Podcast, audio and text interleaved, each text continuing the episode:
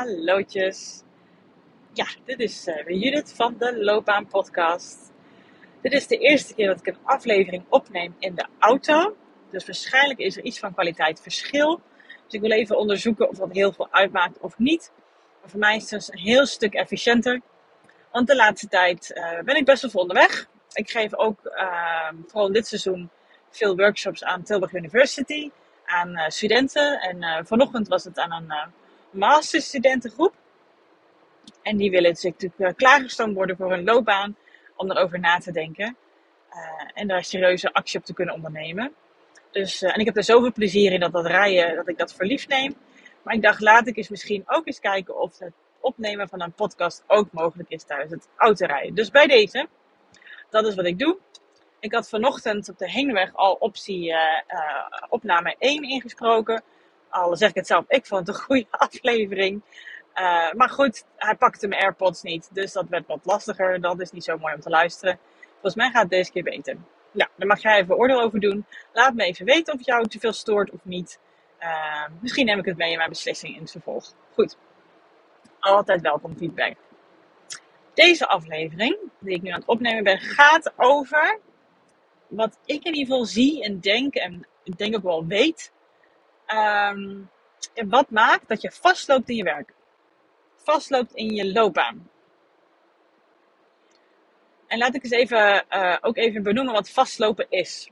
Met vastlopen bedoel ik niet per se, uh, hey, ik ben uh, uitgeleerd op mijn werk, deze functie, of uh, er is van alles gebeurd op mijn werk en uh, die veranderingen die passen niet meer bij mij, of ik ehm, ben verhuisd en ik zoek een, mijn werk in een andere plek. Ik ga parttime zoeken, uh, werk zoeken, want uh, vind ik niet meer passen bij mij. Ik zoek een betere privé-werkbalans, ik weet het niet. Dat zie ik niet als vastlopen. Dat zijn gewoon dingen die gebeuren in je werk en daar mag je keuzes baseren ook. Um, en daar kan je op acteren dan. Dat is niet vastlopen, dat is gewoon hoe dat werkt in het leven. De veranderingen zijn er. daar ga je mee of niet, dat is aan jou. Dat is niet vastlopen. Dat zijn gewoon nieuwe keuzes maken. Re-evalueren. Uh, vastlopen bedoel ik meer dat je merkt dat er um, iets is waar je niet tevreden over bent. Maar je doet er niks aan.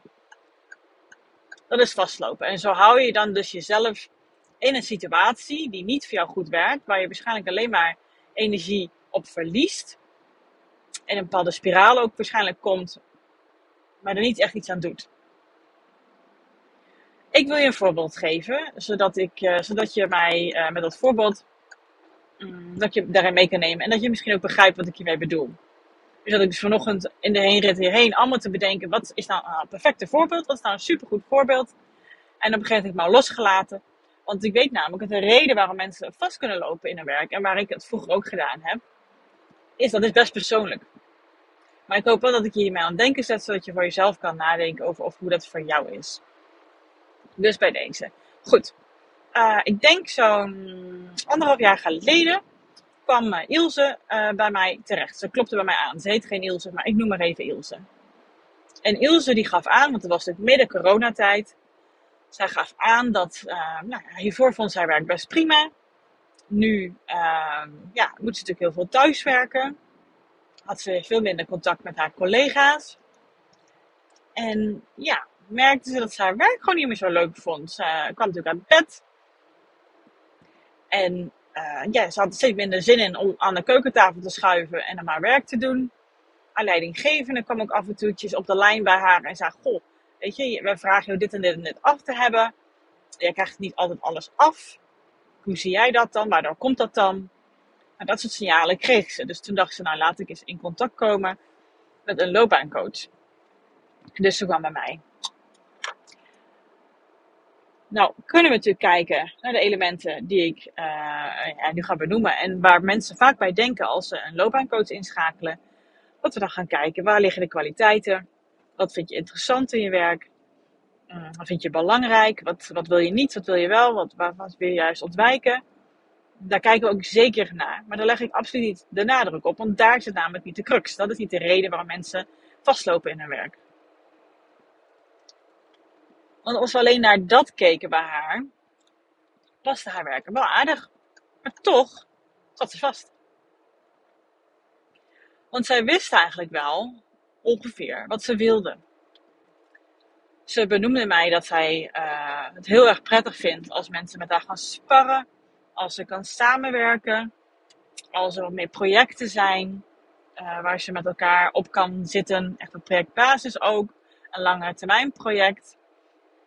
En dat had ze nu allemaal niet, want het was allemaal ieder voor zichzelf, allemaal online. En de taken die zij dan uh, moest doen, die vond ze wel leuk voor een beetje erbij, maar niet als kerntaak. En dat was een groot deel waarom zij haar werk niet meer zo leuk vond. Alleen, ja, dan kan je natuurlijk zeggen, goh, dat, dat wil je dus. Nou ga ander werk zoeken of geef het aan op je werk. En beide vond zij heel erg spannend. Ze heeft wel geprobeerd om een soort van werkborrel te initiëren. Die heeft ze ingepland in ieders agenda. En er kwamen geloof ik drie van de tientallen mensen die ze had uitgenodigd. Want als iemand haar bijvoorbeeld belde, een collega die belde haar en uh, die had een vraag, een inhoudelijke vraag.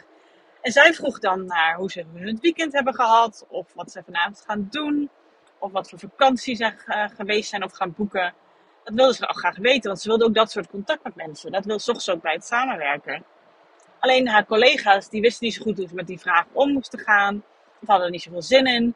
Dus werd ze een beetje afgewezen. Dus iedere keer als zij een beetje zich uitreikte om te proberen te realiseren wat ze graag wilde, werd ze een beetje afgeschoten. Dus dat is natuurlijk helemaal ja, niet bemoedigend voor haar. Daarom durfde ze niet aan te geven wat ze eigenlijk wilde. Haar leidinggevende wist ook van niks dat zij eigenlijk haar werk iets anders wilde inrichten. Want dat vond ze gewoon heel spannend om te zeggen. Want ja, wat inderdaad, als er echt een grote afwijzingen komen, mensen die zitten op te wachten. Dus wat ze wel deed, was proberen binnen de lijntjes te kleuren, binnen de verwachtingen die zij dacht die er waren. En nou ja, dat, dat als je dat vol blijft, blijft proberen te houden, ja, kan je dat best wel een beetje opbreken. Hè? Dat, dat speelt veel mee. Dus het uitspreken van wat zij heel graag zou willen, het opzoeken van contact van collega's, uh, wat ze ook graag zou willen, dat durfde ze niet te doen. En daar leg ik dan vaak de nadruk op in mijn begeleiding, want daar zit de crux. Daar zit de reden waarom zij vastloopt in haar loopbaan. Als natuurlijk een buurvrouw dit zou zeggen dat ze hier moeite mee heeft, dat heb ik wel eens eerder in een aflevering benoemd, dan zeg je ja, gewoon zeggen. Gewoon een afspraak inplannen met je leidinggevende. Gewoon uh, opeens op de stoep staan bij een collega. Uh, samen even vriendenbel houden. Doe dat gewoon. Maar er zijn redenen waarom ze dat niet doet. En dat heeft niks te maken met luiheid of laksheid. Of dat ze er geen zin in heeft. Dat heeft ze natuurlijk juist wel. Ze wil het juist heel graag. Maar er is iets wat haar tegenhoudt. En om te realiseren wat ze stiekem eigenlijk al donders goed weet wat ze wil. Maar gewoon heel spannend vindt om te doen. Er zit natuurlijk gedrag in. Dat, zij, dat is nieuw gedrag voor haar. Dat kent ze niet op die manier te doen. Ze is ergens bang voor. En daar leg je de nadruk op. Want als ze dat kan aankijken, daarmee aan de slag kan gaan, dan gaat ze dingen anders zien. Dan durft ze het opeens wel. En dan kan ze, kan, kan ze gaan creëren wat zij dus een idealiter het liefste wil. En in haar geval is ze dus helemaal niet ander werk gaan zoeken. Ze heeft hierdoor haar huidige baan een beetje kunnen aanpassen, zoals we dat altijd in een mooi woord noemen, jobcrafting. Um, zodat ze uh, weer plezier heeft in haar werk. En gelukkig, nu ik het opneem, is natuurlijk het thuiswerkadvies in ieder geval niet meer fulltime. Dus intussen heeft ze ook veel meer echt contact. Lekker aan een bureautje staan bij iemand. Lekker bij het koffiezetapparaat even een kletsje maken. En zo makkelijk hulp kunnen vragen bij een project. Of zeggen, goh, dit is wat grotere klus, zullen we die samen doen? Zo kan ze haar functie aanpassen. En nu ze dat ook zo leert, kan ze ook beter tegen haar leidinggevende zeggen: hey, deze klussen, daar ben ik heel goed in, dat vind ik ook heel leuk. Daar krijg ik energie van, dus dan krijg je ook mijn betere werk. En bij deze klussen een stuk minder. Dus misschien is er iemand anders die dat wel heeft bij deze klussen waar ik dat minder bij heb.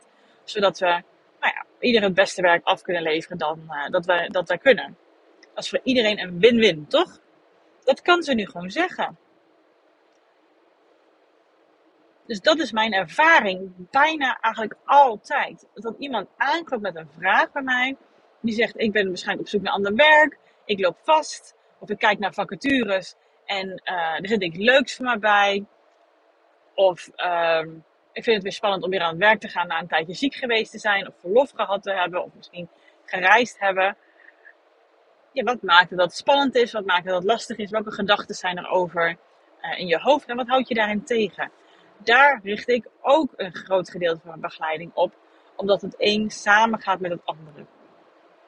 Als je natuurlijk alleen maar aandacht geeft aan hetgene waar we het net over hadden, qua wat erachter zit, dan komt er ook nog niet zo heel veel concretisering. Dus het beide is nodig. Maar alleen concretisering, alleen een plan maken, alleen overzicht krijgen, is niet voldoende. Want jij bent ook iemand, als het misschien herkenbaar is voor jou, niet op zijn achterhoofd is gevallen. Hè?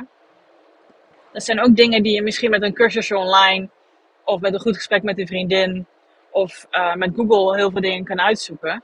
Maar als dat zeg maar het enige is wat nodig is, um, was je al lang in actie gekomen.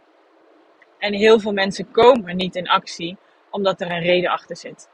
En ik geloof niet in dat mensen lui zijn. Dat ben ik gewoon, dat is mijn persoonlijke mening. Dat is een reden waarom dat is. Waarom er niet actie gekomen wordt. En ja, er is een verschil tussen relaxen en lui zijn. Hè? Batterij opladen is totaal iets anders dan lui zijn. Maar goed. En in het verlengde daarvan zie ik ook dat veel mensen dan maar gaan jobhoppen. Omdat ze dus dan denken, hè, die ik dan niet in begeleiding heb, of bij andere loopbaancoaches zijn geweest. Omdat ze dan denken, ja, bij deze werkgever loopt het altijd zo. Dan ga ik het bij iemand anders zoeken. Maar ja, je neemt jezelf mee. Je neemt jezelf mee naar die nieuwe werkgever. Joh, nogal wie dus natuurlijk. Um, dus je gaat ook die patronen die jij bij je oude werkgever, in dit voorbeeld zijn dus het moeilijk vinden om assertief te zijn, om je wensen aan te geven, om meer contact te zoeken, ook al weet je niet precies wie iemand erop zit te wachten, de gezelligheid meer opzoeken in je werk, dat aangeven. Als je dat bij je nieuwe werk ook niet doet en hoopt dat verandering van, um, uh, van werkomgeving, dat schijnbaar plotseling, spontaan, als een verrassing wel gaat gebeuren, ja, dan vraag ik me af. Als jij je niet daarvoor openstelt, als jij daar geen initiatief in toont, als je niet aangeeft dat je dat prettig vindt, nou, de kans is dan heel klein dat het dan wel gebeurt. En zo heeft iedereen zijn eigen dingen, zijn eigen persoonlijke aspecten, waarom je niet gaat voor wat je eigenlijk stiekem al in je hoofd hebt, wat je wil, of waar je in ieder geval verandering in wil hebben. En in mijn geval was het vroeger, en daar ben ik echt wel een heel stuk in gegroeid, dus dat is ook een van de redenen waarom ik nu in de auto een aflevering opnemen ben. Anders zou ik dat niet doen. Is dat ik in ieder geval vroeger al alles perfect wilde doen. Dus het woord proberen kwam niet eens in mijn vocabulaire naar voren. Want proberen was dat je ook fouten kon maken. Wat ik wilde is dat de eerste poging dat ik iets deed, dat het gelijk goed was. Een 8 of hoger. Voor minder deed ik het niet. En als ik niet wist of dat ging gebeuren, ja, dat deed ik het dus niet. Dus ik ondernam weinig. Ik bleef heel erg in mijn comfortzone. En uh, dat was natuurlijk hartstikke veilig. Maar dat was ook echt heel erg saai en eentonig. En dan zag ik andere mensen soms wel gewoon de ballen hebben om dingen te doen en te proberen en op een gat te vallen. En ook echt weer overeind komen, ook al deed het pijn. En ik was altijd zo jaloers, is echt het woord hoor. Jaloers op die mensen. Dat zij dat zo deden. En dat wilde ik ook, maar ik vond het zo lastig omdat dat mij grotendeels in de weg zat. Wat ik dan moest doen van mezelf, legde ik de lat zo hoog op. En dat was gewoon echt zenuwslopend. Het kostte mij zoveel energie. Het was echt zo'n negatieve spiraal waar ik in zat. En pas toen ik daar bewust iets mee ging doen, pas toen ik doorhad wat dat patroon was, en ook al bleef het spannend, maar dat toch kleine stapjes in maakte onder begeleiding van mijn eigen coach, toen dacht ik, hé, hey, het kan dus wel. En ja, in, in je hoofd kan het soms gewoon voelen dat de wereld vergaat als je dan dus iets doet wat uh, ja, niet gelijk in één keer goed is. Maar nu denk ik, ja, nee, dat hoort bij het leven. Vallen en opstaan moet gebeuren, anders leer je niet, anders groei je niet, anders ontwikkel je niet. En dat is wat ik heel graag wil. En ik ga ervan uit dat jij dat ook wil. Dat jij ook stappen wil ondernemen en het meeste uit het leven wil halen, omdat jij dat jezelf gunt. En omdat je dat prettig vindt. En omdat je leuke dingen wil doen. En dat je niet wil dat alles zwaar gaat en, en, en, en langzaam. En alsof er stroop in je benen zit. Maar dat gebeurt wel als je blijft vasthouden aan het gedrag wat je eigenlijk niet wil vertonen. Want daarmee krijg je juist wat je niet wil. Zo saboteren we onszelf constant. Dat is natuurlijk het, ja, het, het, het, verdrietige daarvan, toch? Dat we dat steeds doen. Dat vind ik zo jammer. En daarom vind ik mijn werk zo super tof. Omdat ik juist daar mensen bij kan helpen om dat los te maken. Om er anders naar te leren kijken, zodat er wel actie in de tent komt. Want dat is uiteindelijk wat iedereen wil. En dat betekent dus niet jobhoppen. Want jobhoppen is dus wegvluchten van je patronen. En die, wat ik al zei, die gaan gezellig met je mee. Dus die kom je dan weer tegen. En dan ga je zo om de twee, drie jaar iedere keer naar een andere functie. Dat zie ik heel veel mensen nu doen. En ze denken dat ze het doen omdat ze zich afzetten tegen vroeger, waar mensen 40, 50 jaar bij een werkgever bleven. En dat was saai. Ja, want nu moet je alles uit je werk halen en dan moet je maar jobhoppen. Nou, daar ben ik het niet mee eens. Meestal duurt het echt een tijd voordat je überhaupt helemaal ingewerkt bent in een functie. Laten we zeggen in een jaar. Dan ga je er pas een beetje goed in worden. Maar ja, goed, dan kom je natuurlijk ook al die patronen weer tegen. En dan gaan mensen alweer rondkijken. Ja, zo leer je natuurlijk ook nooit mee omgaan. Dat is gewoon als een struisvogel je kop in het zand steken. Dat is toch zonde? En weet dat ik hier, nou, ik heb hier goed en, slecht nieuws over, zeg maar. Het slechte nieuws is dat je dit je eigenlijk overal in achtervolgt. Dat wil ik niet zeggen. Je weet dat, dat het niet alleen op je werk terugkomt, dit, hè? de manier hoe je mee omgaat. Want die Ilse waar ik het eerder over had, die heeft ook moeite om assertief bij haar partner te zijn. Om aan te geven dat zij in kleine situatie geen zin heeft in een bepaalde film te kijken.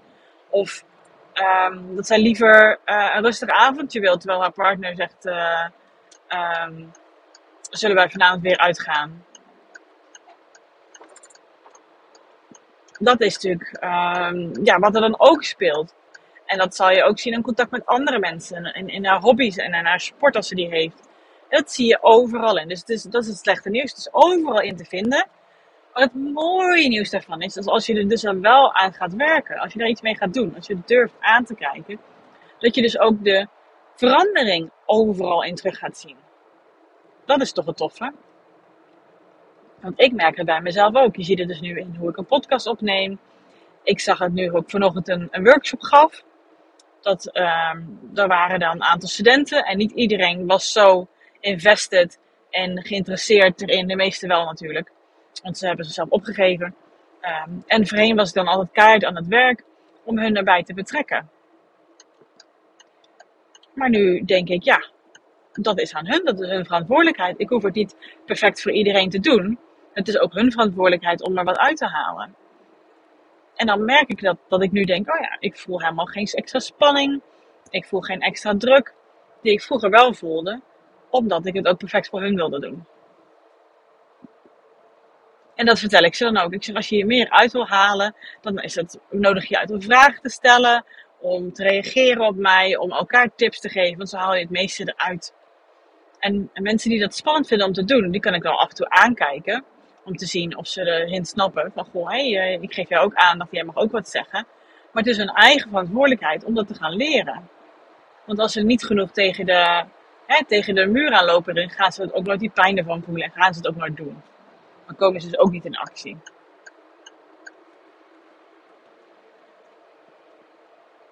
Dus daar zie je het ook in terug. Dat ik dat perfecte niet meer zo overal doe.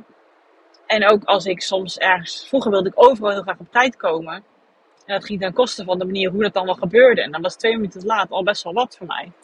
Nou ja, nu denk ik, nee, het gaat om de manier waarop. En hoe we het aanpakken. En dan, ja, dan krijg je dus wel eens dat je dan wat later bent. Maar dan app ik dat gewoon. En dan vindt iedereen vaak prima. Dat is helemaal oké. De wereld vergaat ook daar niet. Maar dat gevoel hebben we soms wel, hè. En als we daar niet mee aan de slag gaan, ga je het dus constant tegenkomen. Dus ook zeker in je werk. Want je werk is hetgene wat je nou, voor de meeste mensen het meeste doet buiten het slapen. En hoe zonde is het, is dat je daarin dus niet merkt dat je in die flow zit. Dat je niet de dingen doet die jij tof vindt. Het is nooit 100% peachy. Dat kan gewoon niet. Ik vind ook een klein gedeelte van mijn werk soms wat minder. Maar daar probeer ik dan het beste van te maken. Denk maar aan wat ik nu aan het doen ben met het autorijden. Uh, ja, de administratie doe ik dan ook maar soms een beetje tussendoor. Omdat ik het ook niet leuk vind om het achter elkaar te doen. Dus we maken overal het beste van. En van sommige dingen moet je elimineren. Dan kan je wel ontvluchten. Maar de meeste dingen is het hoe kijk je ernaar? Hoe ga je ermee om? En, heb je, en kan je ondervinden dat je eigenlijk zelf het probleem creëert. En het mooie van als je dus zelf het probleem creëert, is dat je dat ook weer kan veranderen. Grappig hè? Dus dat we eigen, onze eigen grootste saboteur zijn, is natuurlijk heel vervelend. Maar dat betekent ook dat we dus zelf invloed op hebben aanpassingen kunnen maken, omdat we het zelf zijn. We hebben alleen maar invloed op onszelf. Dat is het mooie hiervan. Dus ik ben benieuwd als je hier zo over nadenkt en eens kijkt naar je eigen situatie. Misschien zit je nu in een werkende in de functie. Of uh, ben je erover nadenken om te, te veranderen van werk. Kijk ook eens naar dit stuk. Kijk ook eens naar waar heb ik bepaalde gedachten op? Wat zijn dingen waar ik zelf eigenlijk meer invloed op wil hebben? Wat zou ik zelf kunnen veranderen? Ook al vind ik het heel spannend. Um, zodat ik wel de dingen kan doen die ik eigenlijk stiekem heel graag wil. En dat gun ik jou enorm. Dan kan je natuurlijk ook uiteraard altijd bij mij voor terecht. Dat weet jij natuurlijk vast ook ondertussen wel. Ik heb ook de gratis check-up die jij kan aanvragen. Ik vind het zo tof. Ik krijg laatst steeds meer aanvragen erin. Oh, ik krijg er altijd zoveel energie van. En ze worden vaak in de ochtend ingepland. En dan begin ik mijn dag heerlijk. Vorige donderdag had ik ook met iemand een afspraak. En dat was net voordat ik een volgende afspraak inging. Nou ik, ik, eh, nou, ik was aan het stuiteren op een goede manier. Ik vond het zo fijn. Ik heb er heel veel inspiratie van. En ook ideeën voor een nieuwe podcast. Dat komt ook nog voor de volgende, denk ik. Wat ik daaruit gehaald heb. Ehm, ja, en ik gun het iedereen, joh. Ik gun het iedereen om zoveel plezier en voldoening en betekenis en, en, en lol en lichtheid in hun werk te hebben. En ook in hun leven. dat betekent niet dat het moeilijk, dat het niet moeilijk kan zijn, of dat er niet geen pijn gebeurt, of er geen vervelende dingen gebeuren. Maar je hebt zelf zoveel invloed op hoe je ermee omgaat en hoe je in het leven staat. Dat wil ik jou meenemen. Uh, dat wil ik jou meegeven. En dat kan jij meenemen hieruit. Dus ik hoop dat je hier wat uit gehaald hebt. Dat is altijd mijn doel. En dan zeg ik, uh, nou ja, je kan uh, naar www.keuzeflow.nl slash checkup gaan. Waar je gratis een half uur uh, telefoontijd kan inboeken bij mij. En ik merk aan telefoon gaat het echt geweldig. Dan kunnen we allebei heel erg concentreren op elkaar stem. En dan kunnen we al zoveel uithalen. En ik denk gewoon ontzettend graag met jou mee. Ik wens jou een hele fijne dag. En tot de volgende. Dag.